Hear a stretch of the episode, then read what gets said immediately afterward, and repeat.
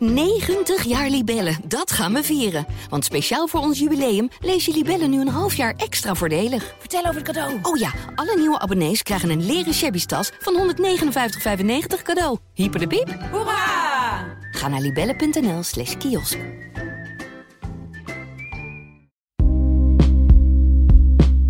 Hallo, mijn naam is Shaila Sitalsing en dit is de Volkskrant Elke Dag. Dat is de dagelijkse podcast van de Volkskrant waarin we met de experts van de redactie de wereld doornemen.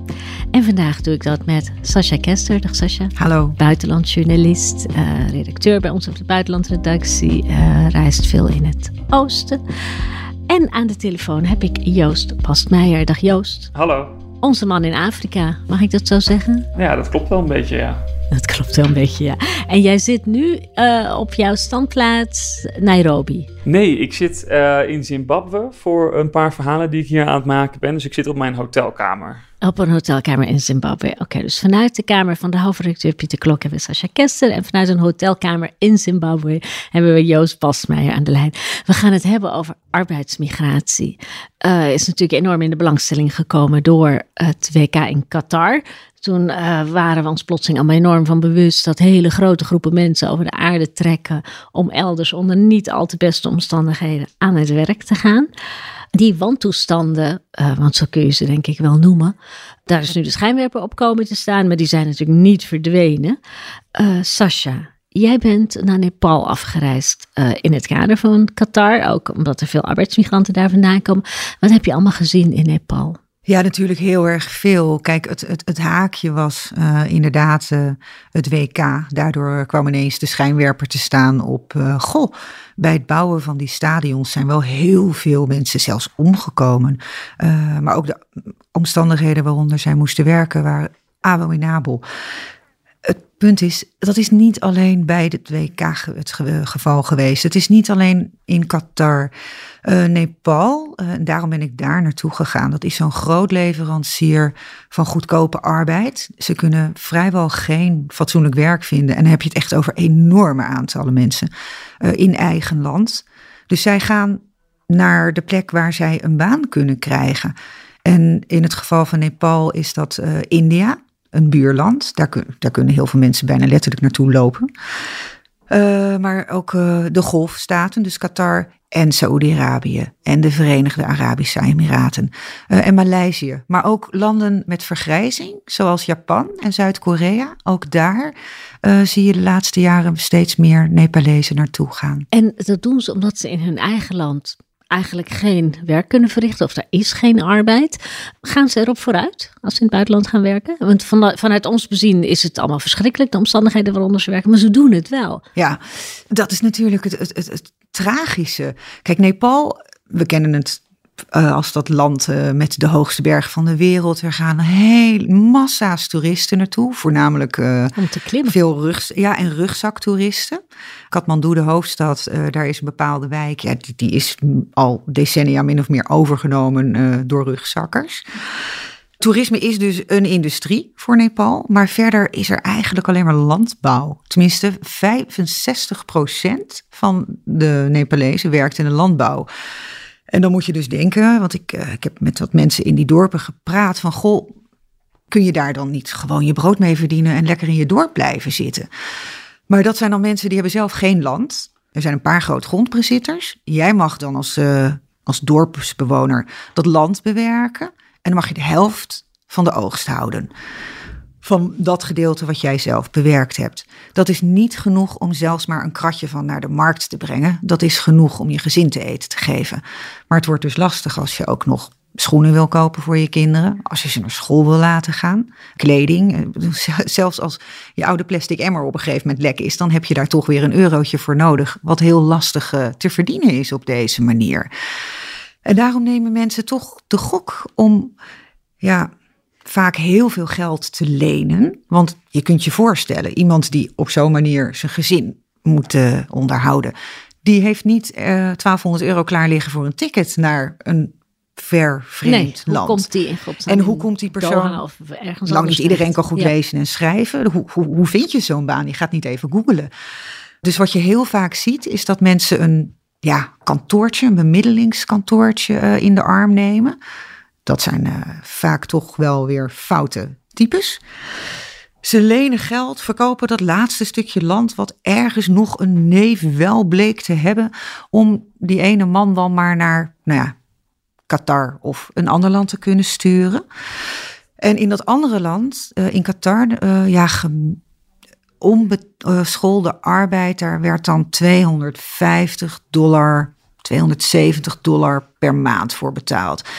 Uh, dan moet je denken aan mensen in de bouw bijvoorbeeld. En is dat een enorm bedrag voor zo'n nou, voor wel als je, naar huis te sturen? Wel als je gewend bent alleen maar een kratje andijvie en een handje chilipepers uh, te hebben. En je ziet ook de eerste ja, maanden en, en, en vaak zelfs jaren gaat een heel groot deel van dat geld in de aflossing zitten. Van dat enorme bedrag wat je hebt moeten lenen. Maar daarna kan je er toch ieder, iedere maand wel uh, wat wegleggen. En je ziet ook uh, dat de afgelopen decennia dat dat landelijke landschap van Nepal is veranderd. Waar die ja, voor ons heel romantisch, hè? voor toeristen heel mooi om te zien van die modderhutjes met van die strooien daken waar dan buffels voor staan en prachtige palmbomen. Ja, gezellig, maar je zal er maar in wonen. Precies, geen stromend water, geen wasmachine. Gewoon zo'n water halen bij een watertje. Of als je mazzel hebt, een handpomp op het dorpsplein. En daar sta je dan met alle kleren te rommelen. En daar komen steeds meer stenen huizen. Die echt foei lelijk zijn. Die doen het niet goed op de foto's van de toeristen. Maar het is wel een stuk comfortabeler. En ze hebben een wc binnen en een soort douche binnen. En dat is dankzij die geldstroom. En dat is dankzij die geldstroom. En dat zien al die andere dorpelingen weer van, goh, ja, weet je, het is uh, pralat wel gelukt uh, om dat stenen huis te bouwen. Misschien dus dat ik mijn zoon toch moet uh, gaan voorstellen om die kant eens op te gaan. Ja, dus vanuit Nepal gezien is dit helemaal niet zo'n gek carrièreperspectief. Behalve dan dat er ook heel veel mensen ziek kunnen worden of kunnen overlijden. Want dat zijn dan de tragische verhalen die ik ben tegengekomen. Dan kom je bij een weduwe. En haar man was na zes maanden al dood. Maar die schuld is nog steeds niet afgelost. En gaat die oh. schuld dan over op die weduwe? Die schuld gaat over op de weduwe. Uh, het geld is vaak geleend bij een woekeraar. Ik ben één persoon tegengekomen die had tegen 30 procent uh, dat bedrag geleend. En daar zit dan zo'n weduwe die weer niets anders zelf kan doen dan op dat land ja, een paar handjes groente voor het gezin bij elkaar en werken. Toch blijven mensen hun vaak fitste, meest veelbelovende lid van hun familie sturen naar het buitenland. Dus het, met het alle risico's. toch iets aantrekkelijks hebben. Ik zat op een gegeven moment in zo'n dorpje. Er waren drie mannen met dezelfde achternaam die uh, zeiden dat ze echt heus geen familie van elkaar waren. Het waren twee dertigers, begin dertig en één veertiger. Nou, die veertiger die had dus al een, uh, een prachtig stenen huis. En die dertigers die hadden hun eerste rondje in het buitenland gehad. Die veertiger die deed het al twaalf jaar. Ze hadden vreselijke dingen meegemaakt. Ze hadden aan stadions uh, meegewerkt. En een man vertelde, ja, ik, ik heb echt heel veel mensen zien overlijden. Die kregen gewoon een blok ton op hun kop, vallen van een steiger. Een truck die veel te zwaar is beladen, valt om. Dat is geen arbouwdienst natuurlijk. Althans, niet zoals wij die kennen. Nee, je hebt helemaal nergens waar je naartoe kunt gaan. Maar ze willen toch terug. Ze ja, hoe je daar, je probeert daar maar gewoon niet al te veel aan te denken. En ja, het kan misgaan, maar de meeste mensen gaan niet dood. Dus dan hoop je maar dat je daar zelf niet bij hoort. En wat vinden ze zelf van de ophef over hun arbeidsomstandigheden? Als ze dan eens in de zoveel tijd uh, aan deze kant van de wereld daar weer wat verontwaardiging over opflakkert? Ja, ik, ik merkte dat ze het natuurlijk heel erg prettig zouden vinden als de omstandigheden veranderen. En aan de andere kant is er heel erg veel gelatenheid. En waren heel veel mensen er ook niet zo heel erg van op de hoogte dat wij ons nog een paar duizend kilometer verderop daar zo vreselijk druk over uh, hebben gemaakt. En als je het ze uh, vertelt, dan is een hele logische vraag van oké, en gaat dat dan nu iets voor mij veranderen? En op de korte termijn is dat zeker niet het geval natuurlijk. En dat zeg je ook tegen hun? Nee, sorry. Ja. En Joost, ehm, jij beziet de wereld eh, vanuit het Afrikaanse continent. Ook een, eh, een plek vanaf, eh, vanaf waar veel mensen vertrekken op zoek naar arbeid elders. Hoe, hoe ziet het leven van, van de Afrikaanse arbeidsmigranten eruit die richting het Midden-Oosten trekken? Ja, ik denk dat, dat, wel, dat er heel veel raakvlakken zijn met de Nepalezen die ook die kant op trekken om, om geld te verdienen. er zijn best wel veel mensen die mooie verhalen horen van familie en vrienden. En dan om die reden uiteindelijk denken van ja, misschien moet ik ook maar eens naar een van die golfstaten uh, toe. Dus naar Bahrein, Saoedi-Arabië inderdaad, of naar Qatar. Om daar een paar jaar te gaan werken. Uh, en die gaan dan ook via die tussenbedrijfjes. Die zijn soms inderdaad ook heel shady en, um, en, en onbetrouwbaar. Moeten ook uh, dikwijls veel geld betalen om daar te komen. Je ziet dat het, dat het best wel veel gebeurt. er is een tijd geweest dat uh, mensen uh, die naar Saoedi-Arabië wilden, niet van de Keniaanse overheid meer mochten, omdat de Amnesty International, de mensenrechtenorganisatie, een groot onderzoek had gedaan naar hoe mensen in Saoedi-Arabië worden behandeld. Dat was zo'n vernietigend rapport dat de Keniaanse overheid toen zei van ja, we gaan daar toch echt een stokje voor steken. Tot uiteindelijk natuurlijk, Saudi-Arabië is een machtig land. De bilaterale banden weer een beetje werden aangehaald. En, en er werd afgesproken dat mensen die dan naar Saudi-Arabië willen, dat ze dan wel eerst um, naar een soort van huishoudschool moeten, een paar weken in Kenia, voordat ze dan die kant op gaan. Dus ik ben ook een keer op zo'n huishoudschool geweest. En dat is dan, moet je voorstellen dat je dan een, een school hebt die er echt uitziet als een Arabisch huis. Met Arabische spulletjes en, en, en stofzuigers die je in Kenia niet hebt. En uh, daar worden mensen dus klaargestoomd om naar Saudi-Arabië of naar Qatar te gaan. Daar wordt ze ook een woordje Arabisch geleerd. Want uh, dat bleek ook dat het tot veel conflict leidde uh, in die golfstaten. Dat mensen de taal vaak niet spreken. Dus nou ja, dan moesten ze iets doen, er werd ze iets verteld wat ze moesten doen en dan snapten ze het niet en dan uh, ja, werd het een probleem. Dus ja, dat zijn een beetje de dingen die je in Kenia, in, Kenia wel ziet. Het is wel een beetje vergelijkbaar, denk ik wel, met, uh, met, wat Sascha ook in Nepal heeft gezien. Nou sprak jij voor de krant een Keniaanse die eerst in Saudi-Arabië had gewerkt uh, en later in Qatar terecht is gekomen. Maar die was helemaal niet in een gewoon huishouden terechtgekomen, hè? Nee, nee. Dus zij werkte eigenlijk als naaister. Um, uh, in die hoedanigheid is zij toen ook naar, naar Saudi-Arabië uh, gebracht. Ook om daar uh, te gaan werken. En dat in eerste instantie was dat ook wel de bedoeling en, en heeft ze dat ook wel gedaan. maar ze zag dat er s s'avonds op hetzelfde terrein als waar zij werkte, in een ander huis, dat daar in één keer vaak um, um, werksters zoals zij zelf naartoe werden gebracht. En er kwamen dan vaak mensen s'avonds op bezoek. Nou ja, goed, uh, als je weet dat, dat er veel mensen um, mishandeld worden en, en slecht behandeld worden, dan, dan zal je je afvragen wat daar precies gebeurt. Dat vroeg zij zich ook af. Ze kwam er al vrij snel achter. Ook omdat ze zelf uiteindelijk die kant op moest. En uh, toen bleek dat ze in die kelder eigenlijk, onder dat ge gebouw, uh, um, dat, dat, er, dat er daar werksters, naaisters werden verkocht eigenlijk als, als sekswerkers. En zij heeft toen ook twee keer gedwongen seks moeten hebben met mannen en vrouwen. Wat opvallend is, vind ik, in Saudi-Arabië. Dat is niet het, uh, het, beeld dat wij misschien van Saudi-Arabië hebben. En toen uiteindelijk, toen uh, um, is ze gevlucht. Toen heeft ze gedaan alsof ze gek was. Dus dat heeft ze toen moeten volhouden. Uh, ze zei ja, alsof er een soort van kwade juju-geesten in mijn hoofd zaten. Dat heeft ze vol moeten houden tot ze op het, op het vliegveld zat bij de gate. En, en toen pas durfde ze weer normaal te doen. Deze vrouw die kon in Saudi-Arabië dus nergens terecht. Die kon niet klagen, die kon, die, die, die kon nergens haar recht halen. Die moest vluchten. Die kon in Kenia ook haar recht niet halen, of wel? Nee, nee, nee. Je moet je voorstellen uh, dat nou ja, mensen eigenlijk niet heel veel rechten hebben uh, in zo'n golfstaat. En dat uh, ook als ze dan nou ja, weer terug zijn in Kenia, dan zijn er wel allerlei mensenrechtenorganisaties, Keniaanse mensenrechtenorganisaties ook die proberen om, uh, om, om ze te helpen en om arbeidsmigranten ook terug te halen en ze, en ze bij te staan. Maar uh, ja, in, in de praktijk zie je um, dat ook die organisaties niet heel veel uh, macht hebben. Dus die kunnen uiteindelijk misschien via de Europese Unie, via Europese landen, via de Amerikaanse overheid druk proberen uit te oefenen. En dat helpt soms wel.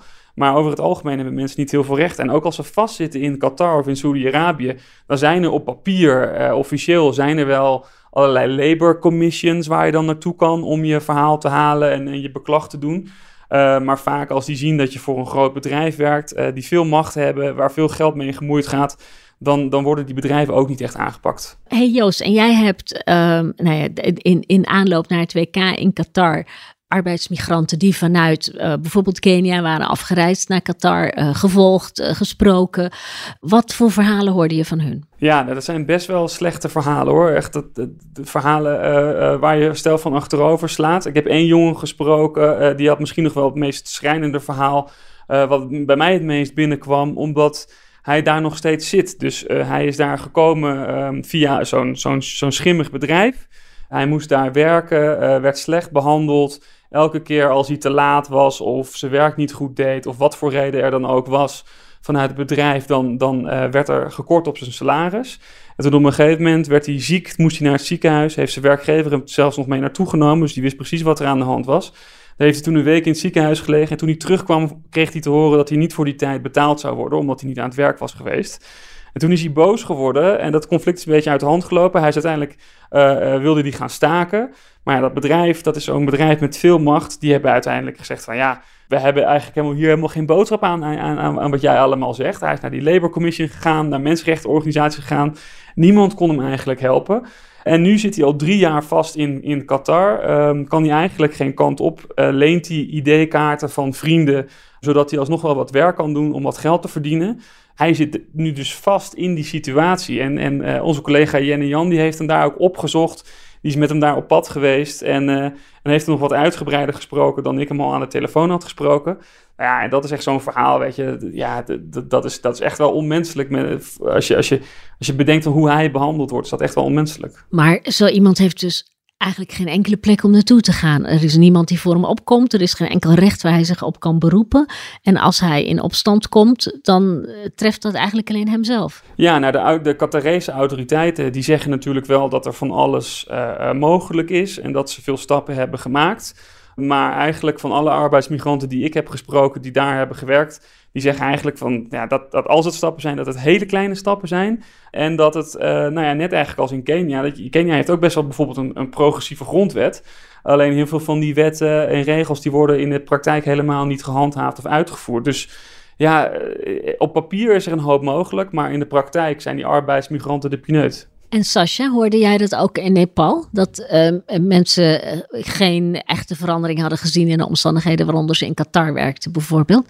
Hoewel Qatar wel heeft gezegd: nee, we hebben onze arbeidsomstandigheden enorm verbeterd. Ja, dat, uh, dit klinkt heel herkenbaar. Um, er is wel het een en ander aan wetgeving aangepast of regelgeving. Maar het zijn de bedrijven die dat moeten implementeren. En er is niemand uh, die die bedrijven uh, achter de broek aan zit. Dus daar gaat uh, een heleboel mis. de verhalen die je hoort, ja, bij mij begint het al met, met, met zelfs al zou er geen regelgeving zijn, hoe, haal, gewoon hoe, hoe kun je bij 50 graden Celsius, want zo heet wordt het, een hele groep mannen buiten op een bouwplaats aan het werk zet met nauwelijks genoeg water. En ik sprak een man die lag in Nepal in het ziekenhuis aan een dialyseapparaat. Ja, die heeft dat dus uh, maandenlang gedaan. En als ze dan even pauze hadden, waar, uh, hun bouwplaats was blijkbaar uh, aan de oceaan, dan dronken ze zeewater. Zo ja, nee, dat weet ik, dat is zout, dat helpt niks tegen de dorst. Maar het was koel. En we wilden gewoon even die koelte in ons lijf voelen. Maar dan word je toch ziek van? Ja, daar word je heel erg ziek van. Deze man, nou ja, zijn nieren, uh, die werken niet meer. En ook hetzelfde verhaal als wat Joost vertelt. Uh, hij is naar het ziekenhuis gebracht voor die dagen dat hij in het ziekenhuis was. Ze zien niet, niet betaald door het bedrijf. En daarna is hij teruggekeerd naar Nepal. Waar hij nu nog weer met die schuld worstelt.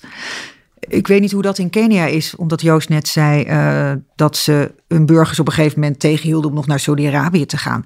Nepal durft toch niet echt zijn poot stijf te zetten en, en een beetje voor de onderdanen op te komen, omdat 25% van het bruto nationaal product, een kwart, dat is het geld dat deze arbeidsmigranten binnenbrengen. dus het land is zo verschrikkelijk afhankelijk ook van deze mensen. En, en hoe geldt dat in bijvoorbeeld Kenia? Heb jij daar zicht op, Joost? Hoe, hoe belangrijk die stroom remittances is? Dat dat geld dat arbeidsmigranten terugsturen? Ja, in, in heel veel Afrikaanse landen uh, zijn die remittances heel belangrijk. Uh, in Kenia ook wel, hoewel ik zou zeggen dat er heel veel West-Afrikaanse landen zijn uh, waar mensen naar Europa willen komen, dat het daar misschien nog wel sterker is. Maar ik zie ook als je in Kenia rondreist en je gaat vragen waar die mooie grote huizen van zijn betaald, dan, dan hoor ik ook vaak dat die zijn betaald met geld Ehm, van mensen die in Qatar of, of een andere golfstaat hebben gezeten. Als je in West-Afrika rondreist, dan komen die, komt dat geld vaak uit Europa. En dat is inderdaad ook een van de redenen um, dat, dat de Keniaanse overheid niet meer verbiedt om mensen uh, naar die landen toe te gaan. Ze blijven het doen, uh, ondanks dat de omstandigheden slecht zijn, ondanks dat de gruwelverhalen terugkomen, ondanks dat er mensen met nierproblemen terugkomen, ondanks dat er mensen komen te overlijden.